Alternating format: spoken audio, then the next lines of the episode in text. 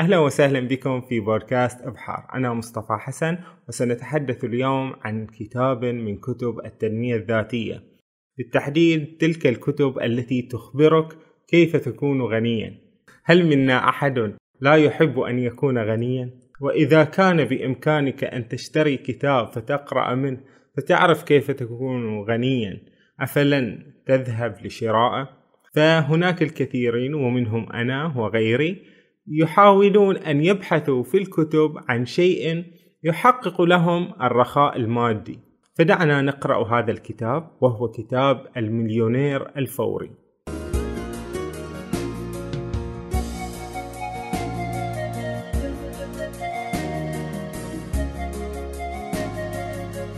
هذا الكتاب مصاغ بطريقة يعني قصصية جميلة جدا.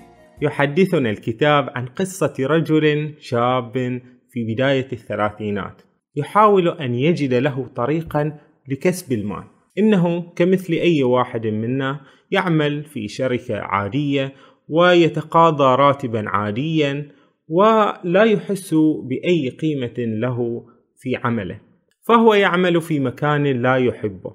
ببساطة نفسه عافت ذلك العمل. ورغم أنه كتب ورقة استقالته وحاول أن يقدمها لكنه كان دائما يتراجع لماذا؟ لأنه بالنهاية يحصل على مقابل مادي في نهاية الشهر يؤمن له حياته فكيف يصنع إذا أصبح عاطلا عن العمل؟ كان زملاؤه في العمل أيضا على نفس هذه الحالة أي أنهم لا يحبون العمل ويتمنون الساعة التي يخرجون فيها منه إلى مكان أفضل فذهب الشاب إلى عمه المليونير رغبة منه أن يطلب منه أن يقرضه بعض المال أو ربما يتكرم عليه ببعض المال أو أي نصيحة يقدمها إليه. دار حديث بين هذا الشاب وعمه المليونير فأخبره الشاب أنه يعمل ليل نهار. يقول أنا أعمل مثل الحمار أتجاوز الخمسين ساعة أسبوعيا في بعض المرات. فسأله عمه هل تؤمن أن الاجتهاد في العمل هو طريق الغنى؟ وهنا جاءت أول حكمة عندما يكون راتبك الشهري فلنقل ألف دولار هناك آخرون يحصلون في الشهر على عشرة آلاف دولار مثلا فهل كانوا يعملون عشرة أضعاف الوقت الذي تعمله؟ بالتأكيد لا ربما بالعكس ربما يعملون أوقاتا أقل ولكن ما الذي يجعلهم يأخذون كل هذه الأموال الطائلة. فلا شك أن هناك سر غامض وراء هؤلاء. ثم نصحه عمه أن يذهب إلى شخصية مهمة وهي المليونير الفوري. لماذا؟ قال له أنه هو من علمني كيف أصبح مليونيرا فاذهب إليه وستحصل منه على كل تلك الحكم والنصائح التي تحتاجها. فقال له الشاب لماذا لا تعلمني السر وانتهينا خلصنا؟ ليش تخليني أروح له وهو يعلمني؟ علمني السر بسرعة وخلاص. فرفض المليونير ربما لأن من أجل الوصول إلى المعلومة يحتاج إلى أن تقطع المسير إليها. فإن أخبرت رجلا في الشارع خاصة إن كان شابا غرا أخبرته عن تجربتك في الحياة وعن حكم لم تحصل عليها إلا بتجارب مريرة فهل تتوقع أنه سيراها كما تراها أنت؟ فلا بد من أجل الوصول إلى المعلومة أن يقطع الشخص الطريق فذهب إلى بيت المليونير الفوري ورن الجرس ففتح له الحارس وأدخله إلى الحديقة ولم يلبث إلا قليلا حتى التفت إلى رجل في السبعين أو الثمانين كان يعمل كبستاني لهذه الحديقة. كان يقصص الأشجار ويعدل الزهور وهكذا. فعندما رآه جاء إليه فسأله وأخبره ما أخبارك؟ ولماذا أتيت؟ فقال له البستاني وهو يحدثه هل لديك عشرة دولارات؟ فقال له الشاب ليس لدي غير عشرة دولارات. فقال له البستاني إذا هاتها أريدها. فأخذ منه العشرة دولارات التي يمتلكها. ثم بعد دقائق اكتشف الشاب أن هذا البستاني لديه 25 ألف دولار في جيبه. وهنا انصدم الشاب أن هذا البستاني هو نفسه المليونير الفوري الذي جاء من أجله. فاستغرب الشاب لماذا هذا الرجل يأخذ مني عشرة دولارات؟ يأخذ كل ما لدي. قال المليونير الفوري لهذا الشاب كم تريد أن تدفع لقاء الحصول على هذه الأسرار التي تجعلك غنيا؟ كم تريد أن تدفع؟ فقال له الشاب والشاب مفلس أصلا يعني ما عنده شيء.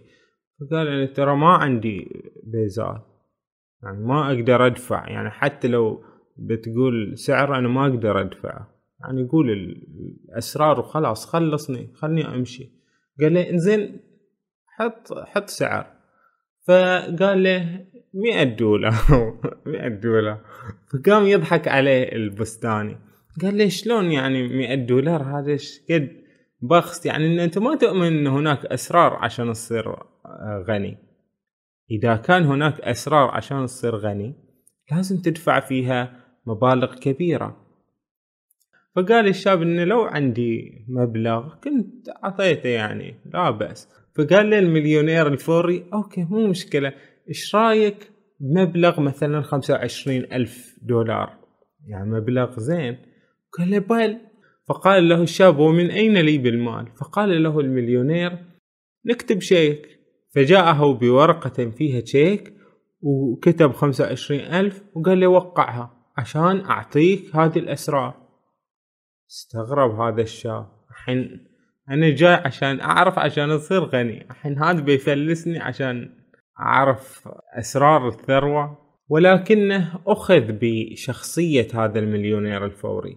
كانت شخصيته قوية ومؤثرة. فالشاب وافق على أنه يكتب شيك مؤجل. يدفعه فيما بعد وأعطاه المليونير الفوري رسالة في داخلها ورقة.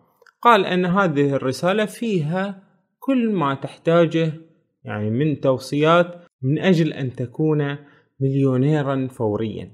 ثم أمره بأن يبيت عنده في بيته في إحدى الغرف. فذهب الشاب إلى غرفته وفتح هذه الرسالة. وعندما فتح هذه الرسالة انصدم بأن الموجود داخل الرسالة ليس سوى ماذا؟ ورقة بيضاء فبات ليلته آسفا أنه جاء إلى هذا المكان. وفي اليوم التالي جاء إلى المليونير وأخبره ماذا فعلت؟ أنت أعطيتني ورقة بيضاء ليس فيها شيء. مقابل أنه دفع خمسة وعشرين ألف دولار لا يعرف كيف سيسددها. وكان المليونير الفوري هادئا يعمل على آه، أشجاره ووروده. فقال المليونير للشاب اكتب على الورقة المبلغ الذي تريد. كنت تريد مثلا مليون غيره. والتاريخ الذي تريد أن يتحقق فيه هذا الحلم والكيفية. فكان الشاب غاضب من هذه المعلومات التي لا قيمة لها. ثم أن المليونير أراد أن يقول له بالعكس أنت يجب أن تركز على أهدافك ويجب أن تؤمن بها. يجب أن تؤمن حقا بأن هذه الأحداث ستحصل وأنك آه، لديك كيفية ستعمل بها وعندما تؤمن إيمانا راسخا بأنك ستحصل على هذه النقود بهذه الكيفية فإنها حقا ستقع. طبعا الشاب مثلنا يعني لا نرى قيمة لهذه الأمور. ماذا يعني أن تؤمن بأنك سوف تحصل على مليون بحلول كذا سنة؟ ولكن المليونير كان يصر على ذلك الأمر وربما ما يحركنا هو ذلك الشغف والإيمان العميق بأننا سنصل إلى وجهة معينة بأننا سنحقق أمرا ما. فعندما يغلب على فكر الإنسان أنه لن يصل إلى شيء فلن يتعب نفسه في العمل عليه. ولكن الآخر الإيجابي الذي يضع الكثير من الطموح من أجل الوصول إلى شيء ما فإنه سيكون أكثر قدرة على العمل اليومي والسهر وال والاستيقاظ مبكرا والعمل الدؤوب من أجل هدفه. فوجود الهدف والإيمان بأن هذا الأمر سوف يحصل والكلمات التي نقنع أنفسنا بها ونقنع عقلنا الباطن بها بأننا سوف نصل إلى تلك الضفة وسنحقق هذه الغاية فهذا أمر مهم جدا. فمهما حاول المليونير أن يقنع ذلك الشاب بأهمية الكلمات وما تصنعه في عقل ذلك الإنسان عبثا تذهب تلك المحاولات ولا يقتنع ذلك الشاب وأتوقع أننا أيضا نحن لا نقتنع بذلك. فقال له المليونير فإذا وصلت إلى هذا الحال من عدم الاقتناع فاذهب إلى غرفتك وسترى على المكتب توجد ورقة توضح لك هذا الأمر بأفضل وجه. فذهب ذلك الشاب إلى غرفته ورأى تلك الورقة. فماذا تتوقعون موجود في تلك الورقة؟ وجد في تلك الورقة مكتوب أمامك ساعة واحدة لأن تعيش. فاذا ورقة تهدده بالموت. لا شك أن ذلك المليونير كان قاتلا. ربما هو في طريقه لأن يرسل أحدا ليقتلني. فذهب للخروج أراد فقط أن يخرج من ذلك المنزل ولكن الباب كان مقفلا عليه. إنه لا شك سوف يقتله. وظل هكذا خائف يترقب وينظر من فتحة الباب ليرى من آه، موجود في الممر. فرأى رجلا في الممر يقترب من الباب. فجاءه المليونير وكان الشاب يبحث عن أي شيء يدافع به عن نفسه وما حدث أن المليونير فتح الباب وطمأنه وقال له أنها ليست سوى كلمات مكتوبة على ورقة وأن الكلمات لا يجب أن تؤثر على الإنسان هكذا. لماذا تأثرت هكذا وأحسست أنك ستموت وأنك مهدد بالخطر؟ لقد أردت بهذا المشهد أن أعلمك كيف أن الكلمات تؤثر فينا كثيرا. وعندما نؤمن بما كتب في ورقة ما فإن هذا الأمر سوف نعمل على تحقيقه بشكل كبير. ومن هنا قال المليونير تعلم الآن أن الكلمات تؤثر بعمق في حياتنا سواء شئنا أم أبينا. ويمكن للفكرة أن تؤثر فينا إذا آمنا بصحتها حتى لو كانت غير صحيحة. وعندما تتعلم كيف يمكنك تمييز قيمة الفكرة أي القيمة التي تعطيها للفكرة يمكن لعقلك استعادة هدوئه والحفاظ عليه. وواصل المليونير قائلا عندما تواجه أي مشكلة في المستقبل والطريق إلى الثروة مليء بالعقبات تذكر هذا التهديد بالتحديد. ذكر نفسك أن المشكلة التي تواجهك لها تأثير محدود عليك تماما كما كان تأثير هذا التهديد.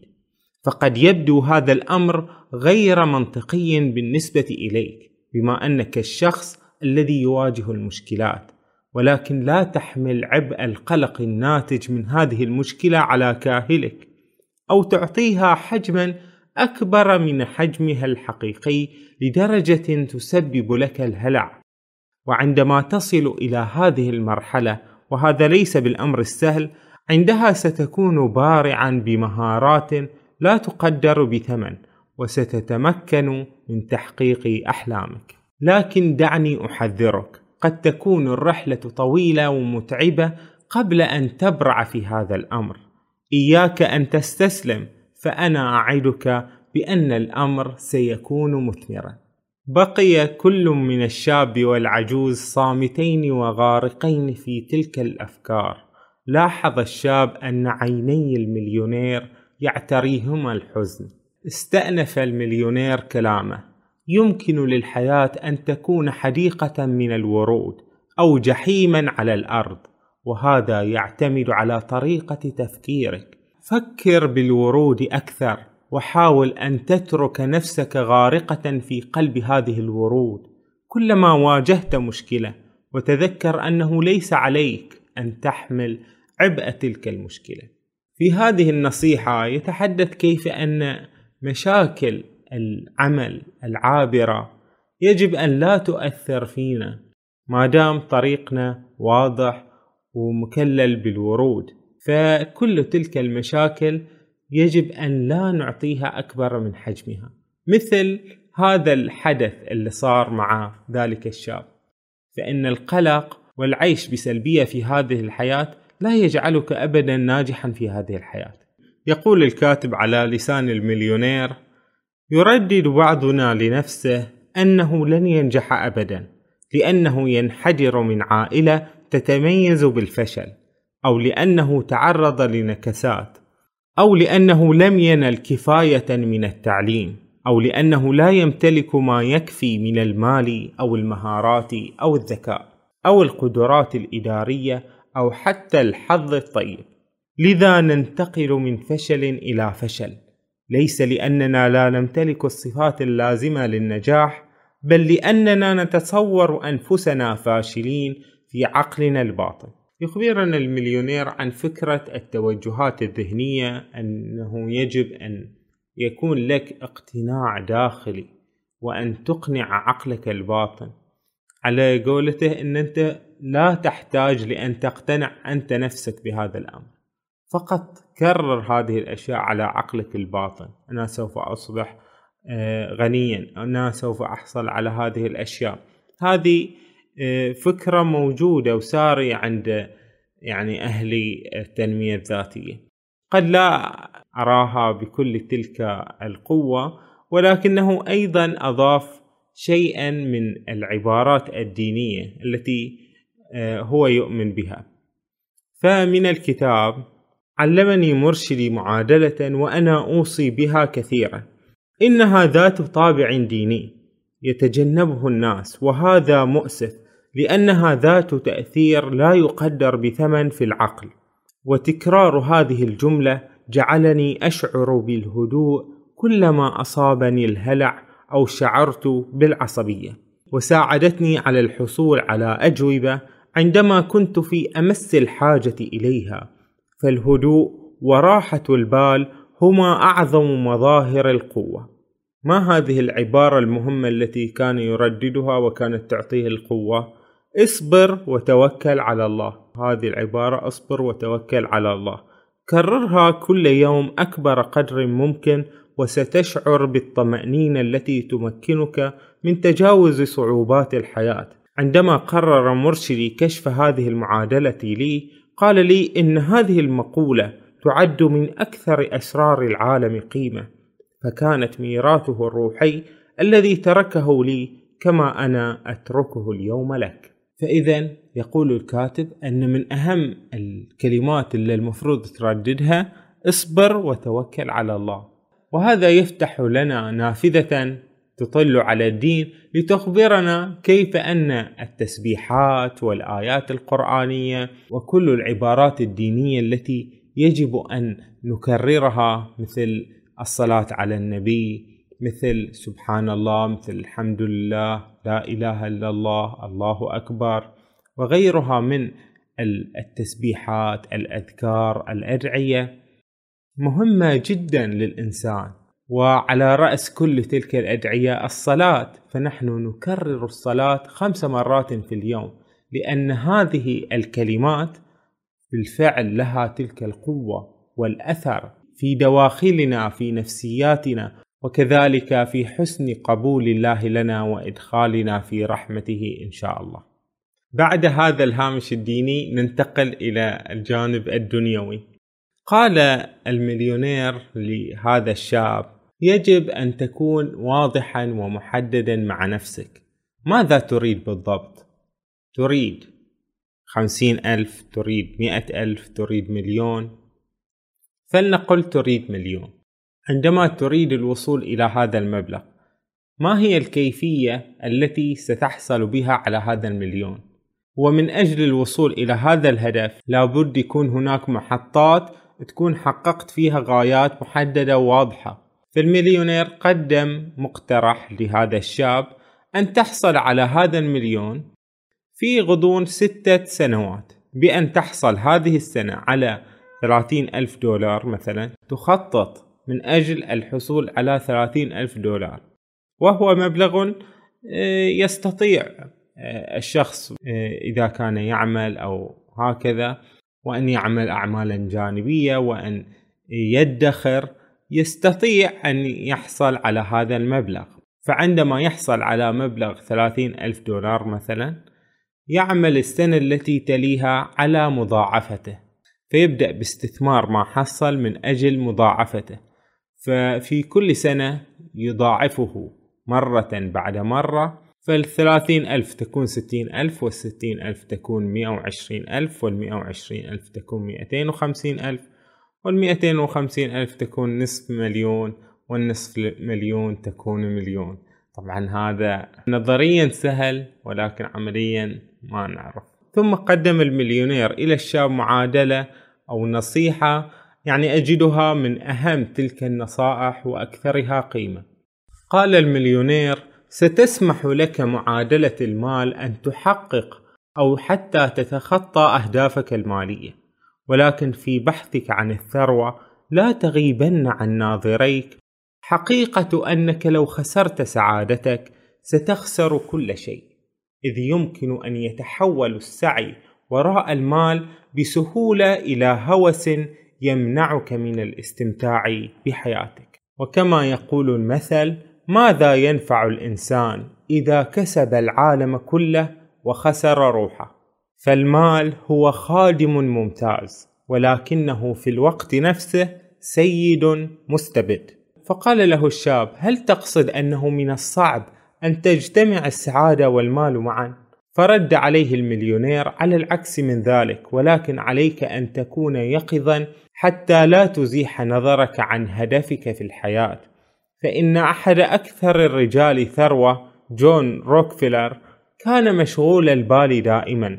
دمرته مخاوفه وقلقه بحيث أصبح رجلا مسنا في عمر الخمسين فقط. فعانى مشكلات معوية لدرجة أنه لم يتمكن من تناول أي شيء ما عدا الحليب والخبز.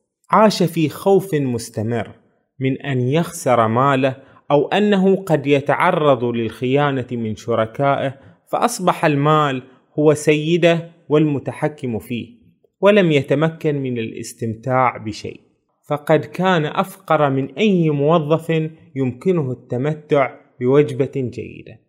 لاحظوا كيف أن جون روكفيلر عنده مليارات ولكنه لا يستطيع التمتع بوجبة جيدة وذلك بسببه هو لأنه أخذ يقلق على ماله لئلا يذهب ويهدم صحته من أجل أن يجمع المال. فماذا أفاده المال؟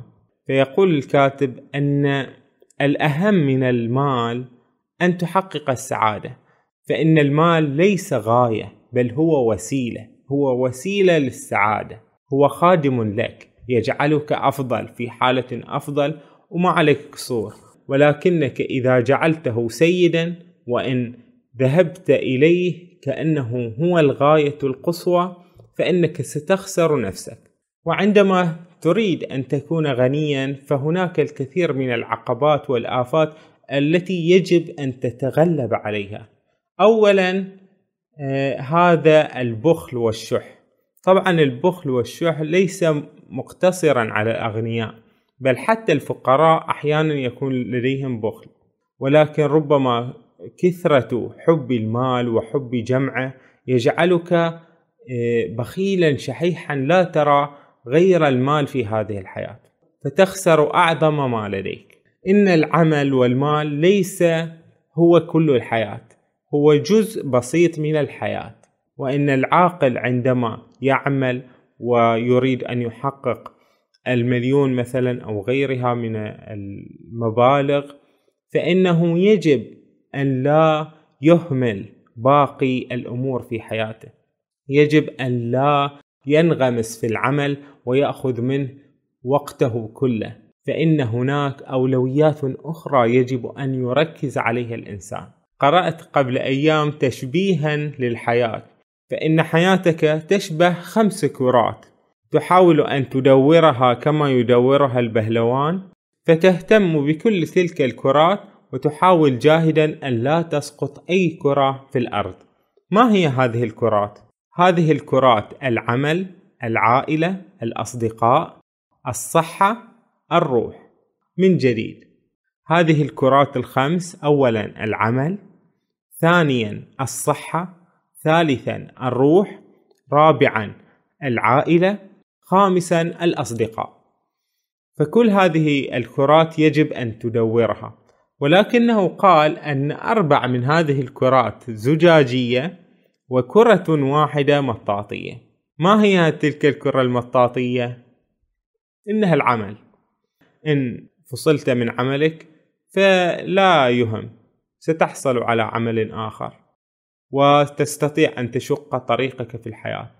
ولكن كل تلك الأربع كرات زجاجية الأخرى هي إن سقطت إما أنها ستشرخ أو ستكسر أو لا سمح الله ستتهدم تماما.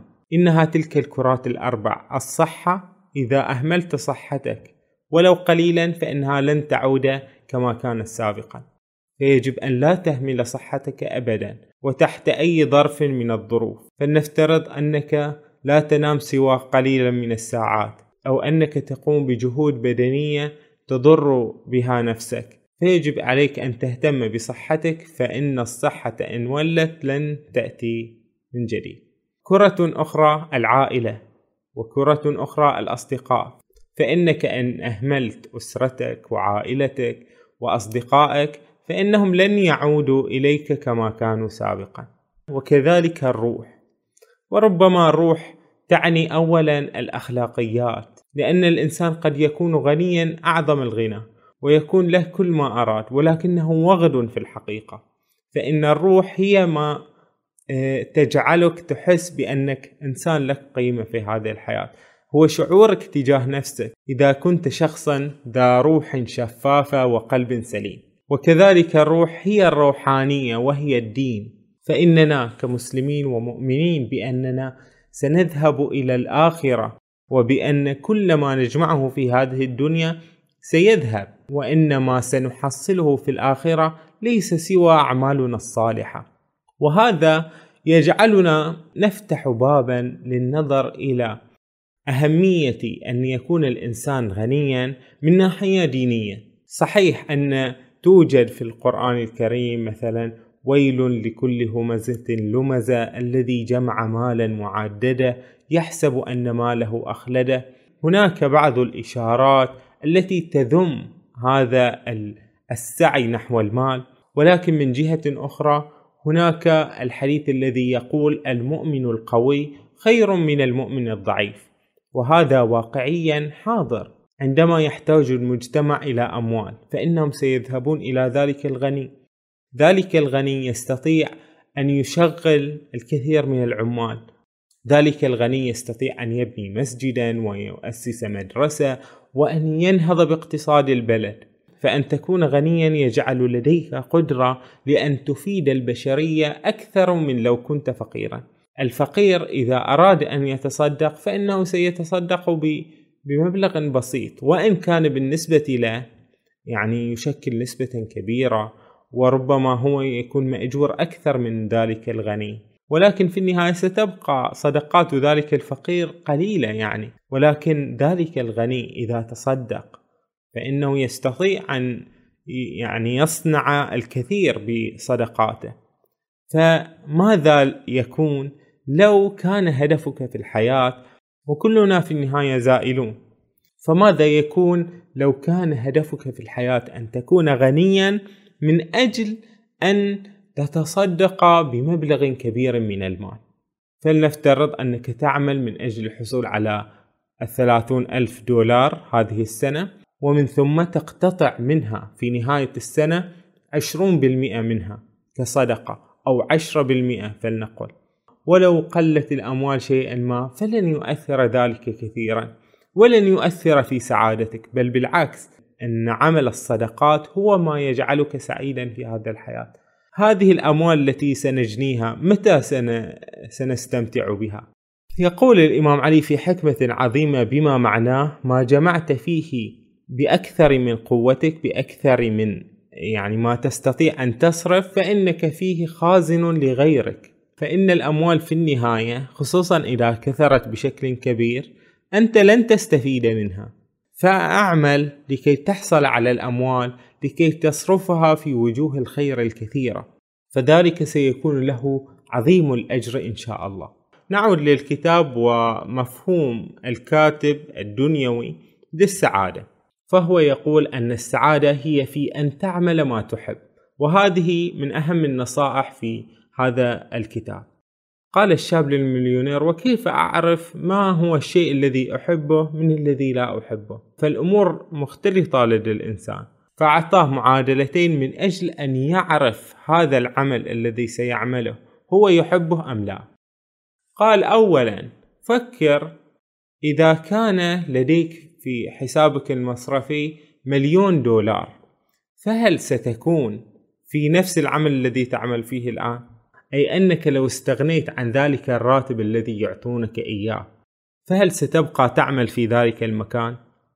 إذا كنت ستبقى تعمل في ذلك المكان فإنك تحب هذا العمل أما إذا كنت ستفر من عملك وستذهب لتعمل أمرا آخر فإنك لا تحب عملك في الحقيقة وأعطاه معادلة ثانية يعني أجدها خطيرة ويعني قوية تساؤل يجب أن نسأله أنفسنا جميعا. قال لو أنك ستموت في هذا الأسبوع هل سوف تبقى في عملك تعمل نفس هذا العمل؟ أم أنك سوف تخرج من هذا العمل وتعمل شيئا آخر أو تفعل أمورا أخرى؟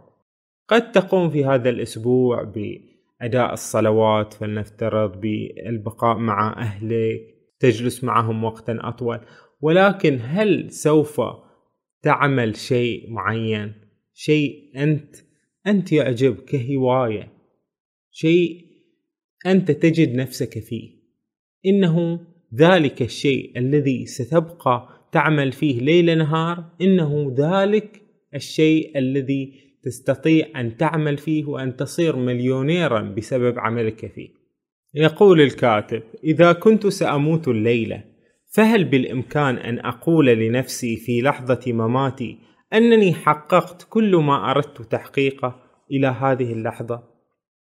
يكمل المليونير أنا أعترف بأن هذه الفلسفة قد تبدو كئيبة في البداية ولكنها فلسفة الحياة مئة بالمئة إن الأشخاص الذين لا يقومون بما يستمتعون به والذين تخلوا عن أحلامهم بطريقة أو بأخرى ينتمون إلى الأموات لا الأحياء ولتفهم ما أقوله تماما اسأل نفسك هذا السؤال وأجب عنه بمنتهى الصدق لأنك إذا كذبت فإنك تكذب على نفسك وستكون الخاسر في هذه اللعبة إذا كنت تعلم بأنك ستموت غدا فهل ستغير خططك لليوم؟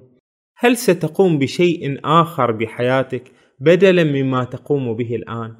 سيخبرك الأشخاص غير السعداء الذين لا يستمتعون بحياتهم بأنهم سيقومون بعمل مختلف تماما. فبحق السماء لماذا تستمر بالقيام بشيء تكرهه إذا كانت أمامك 24 ساعة فقط للعيش؟ أما الأشخاص في الفئة الثانية وهم للأسف الأقلية فسيقومون بما يفعلونه يوميا. لماذا يغيرون أي شيء؟ فعملهم هو شغفهم. أليس منطقيا أن يقوموا بما يحبون حتى آخر لحظة في حياتهم؟ باخ كان أحد هؤلاء الأشخاص وكان على فراش الموت يصحح آخر معزوفة موسيقية له. لكن ليس عليك أن تموت عبقريا لترغب بالعمل حتى آخر لحظة في حياتك. فلكل منا طريقته الخاصة وفي مجال عمله. يصبح عبقريا حتى وإن لم يعترف بذلك من المجتمع. لتكون عبقريا عليك القيام بما تحب وتستمتع به. هذا هو المعنى الحقيقي للعبقرية. والخمول هو أن تفتقد الجرأة لأن تقوم بما تحب خوفا مما سيقوله الآخرون أو خوفا من أن تخسر شعورك بالأمان. فعلا أغلب الناس في الحياة يعملون في وظائف لا يحبونها وما يجعلهم يستمرون فيها هو هذا المال الذي يحصلون عليه وهذا الأمان الوظيفي الذي يحققونه فقط لا غير. ولكنهم في قرارة أنفسهم يريدون أن يهربوا من هذا العمل ليعملوا أي شيء آخر. ربما لا يعلمون ماذا يريدون ولكنهم متيقنون أن هذا العمل الذي هم فيه لا يريدون أن يعملوا فيه. فلماذا يبقون فيه؟ إن حياتنا هي أغلى أغلى بكثير من هذا المال الذي نتقاضاه ووقتنا أغلى ما نملك. عندما تكون في عمر الخمسة وعشرين أو الثلاثين أو الأربعين وأنت لا تعمل في العمل الذي تحبه. فألم يحن الوقت لكي تتبع شغفك. انظر إلى النماذج التي نراها حولنا والتي تحب العمل الذي تعمله. لاحظ حولك أصحاب الأعمال. هناك أصحاب أعمال يعني مهتمين بأشغالهم. ذلك الذي يصبغ الدار. تراه يصبغها يعني بضمير. وهذا اللي يصف البلاط. يصفها بدقة متناهية لأنه يحب هذا العمل. ويشوف فيه في هذه اللحظات اللي هو قاعد يصف فيها البلاط هو يعني مستانس في أفضل مراتب الوناسة. أنا فعلا لما أذهب مثلا مركز صحي وأشوف السكيورتي رجل الأمن أشوف يعني بعض رجال الأمن تراهم يحلون مشاكل الجميع. يعملون في أعمال هم غير مطلوبة يعني منهم ولكنهم يعملونها بكل يعني صدق وتفاني وإخلاص وتجده يبادرك. يعني يسألك أنت هذا محتاج شيء؟ فتجد رجل أمن راتبه بسيط جدا. فتجد أن هذا المكان اللي حاطينه فيه هذا عمله هو جنته. تجد عامل النظافة هناك عامل نظافة يحب عمله. تجده يعني ينظف الشارع تنظيف كامل. وتجد عامل نظافة آخر لا يحب عمله. يقوم ثقيلا بأعماله. وتجد هذا في المراتب العليا. تجد مسؤولا لا يطيق العمل. وتجد موظفا يلبس آه، أحلى الهندام في الوزارة أو غيرها ولكنه لا يطيق أن يعمل ما يعمله. ولما تكون تحب عملك راح تتقنه لأنك راح تهتم بكل تفاصيله وتركز فيه لحظة بلحظة. فلنفترض أن هناك متجرين يبيعان نفس البضاعة. صاحب هذا المتجر يحب عمله أشد الحب. يستيقظ من النوم فيذهب إلى العمل ولا يعود إلا في آخر اليوم. وكلما جاءه زائر يرحب به و... ويحاول أن يخدمه ما استطاع. أما صاحب المتجر الثاني يريد أن يحصل على المال. هو فاتح هذا المتجر من أجل أن يحصل على المال وجاءت هذه الفكرة ثم إنه لما بدأ هذا العمل لم يحب نوعية هذا العمل وأصبح لا يريد الذهاب إلى عمله. يعني لا يذهب إليه إلا ثقيلا. فإذا ذهب فلنفترض ساعات قليلة يكون مستثقلا لاستقبال الزبائن وخدمتهم على أفضل وجه فإنه لا يحب هذا العمل الذي يعمله. فبالتالي لن يجني الأموال والزبائن سوف لن تقبل عليه وبالتالي لن ينجح. فالمفتاح لأن تكون ناجحا والنجاح بالطبع يؤدي إلى أن تكون غنيا أن تحب ما تعمل. وهناك مقولة تقول أحب ما تعمل لكي تعمل ما تحب. لا بأس أن يكون الإنسان يعمل في بداية حياته آه، هذا العمل وذلك العمل من أجل اولا أن يعرف ماذا يحب أصلا وثانيا من أجل أن يكتسب الخبرات. ولكن في النهاية عندما يزداد بك العمر فإنه لم يبق الكثير من العمر لكي تنجز فيه ما تريد لكي تعيش ذلك اليوم وأنت في المكان الذي تحبه فعلا.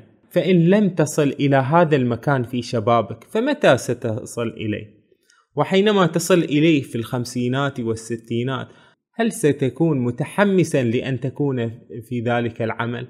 ستكون أضعف من من الناحية البدنية وستكون أيضا زاهدا في مثل هذه الأمور. فلم تعد رغبات الشباب وحداثة الشباب والإنجازات التي يريد أن يحققها الشباب مثل ما تحصل عند أولئك الذين تقدموا أكثر في العمر. فالمفروض الواحد يلحق نفسه ويجد الشيء اللي فعلا هو يحبه. قال الشاب للمليونير ما زال أمر يحيرني منذ مدة طويلة. أعتقد أن كل ما قلته صحيح وأنا أؤمن الآن أنني إذا ما طبقت المعادلات التي علمتني إياها فسأصبح مليونيرا بسرعة وسأصل إلى حالة من السلام الداخلي. ولكن ما يحيرني هو المجال الذي سأحقق منه هذه الثروة. فقال له المليونير لا بد من أن تثق بالحياة وقوة العقل. لا تقلق حدد أهدافك أولا ثم اسأل عقلك الباطن أن يوجهك نحو الطريق المؤدي إلى الغنى. ابدأ بالسؤال ثم انتظر فلن يطول الوقت للإجابة عن أسئلتك. شعر الشاب بالإحباط. فقد تمنى أن يعطيه جوابا محددا. جفل المليونير مظهرا تعاطفا نحو الشاب وأضاف بسرعة يجب أن تجد عملا يرضي قلبك فكر بالأمر فعناصر المهنة التي ستسعدك جميعها موجودة في داخلك وأنت لم تدرك هذا الأمر بعد لأنك لست منسجما مع طبيعتك فعندما تستمر بالتركيز مع نفسك وتتأمل أكثر فأكثر. ستجد التواصل مع نفسك وسيجاب عن الأسئلة جميعها. والأفضل من ذلك ستكتشف ما يسعى إليه البشر جميعهم بيأس ولا يجدونه. إنه الهدف الغامض وراء وجودك في هذه الحياة. أسرار حديقة الورود. فصل جميل. مشى الرجلان في الحديقة بهدوء إلى أن توقف المليونير أمام شجيرة ورد تحمل ورودا غاية في الروعة. يقول المليونير لا بد أنني شممت هذه الورود آلاف المرات ومع ذلك فإنها تعد تجربة مختلفة في كل مرة أشمها. هل تعرف السبب؟ لأنني تعلمت أن أعيش هنا فقط في هذه اللحظة فقط. وألا انغمس بالماضي أو أفكر بالمستقبل. إنها تركيز عقلي وتأمل. فكلما زاد تركيزك في الأمور التي تقوم بها وكلما زاد استيعابك للمهمة التي تقوم بها أو الشيء أو الشخص الذي أمامك زاد تعلقك بالحاضر وعشته بطريقة صحيحة. إذ أن هذا التركيز يعد المفتاح إلى النجاح في جوانب الحياة جميعها. مهم أن تركز في عملك. والإنسان لا يركز في عمل ما إلا إذا كان يحبه فعلا. فتجد المهووس بعمل معين يبحث فيه كل تفاصيله ويعرف كل شيء عنه لأنه يحبه. وبالحب يأتي التركيز وحينما يأتي التركيز يكون الإتقان في العمل. وحين يحدث كل ذلك فإن الزبائن عندما ينظرون إلى المنتج الذي يقدمه هذا الشخص أو الخدمة التي يقدمها فإنهم سيعجبون بها وبالتالي سينجحوا لا محالة. فهذه كانت جملة من النقاط والنصائح المهمة التي ذكرها هذا الكتاب وأنا أضفت إليها الكثير وفصلت عليها بفهمي وبما يعني أعتقده في هذه الأمور. فما رأيكم في هذا الكتاب؟ وهل فعلا هذه النصائح تعد قيمة في الطريق نحو أن نكون أغنياء؟ فشاركوني آراءكم وانشروا هذا المقطع لمن يحب الاستماع له وأراكم بكل خير وصحة وعافية. وغنى أيضا.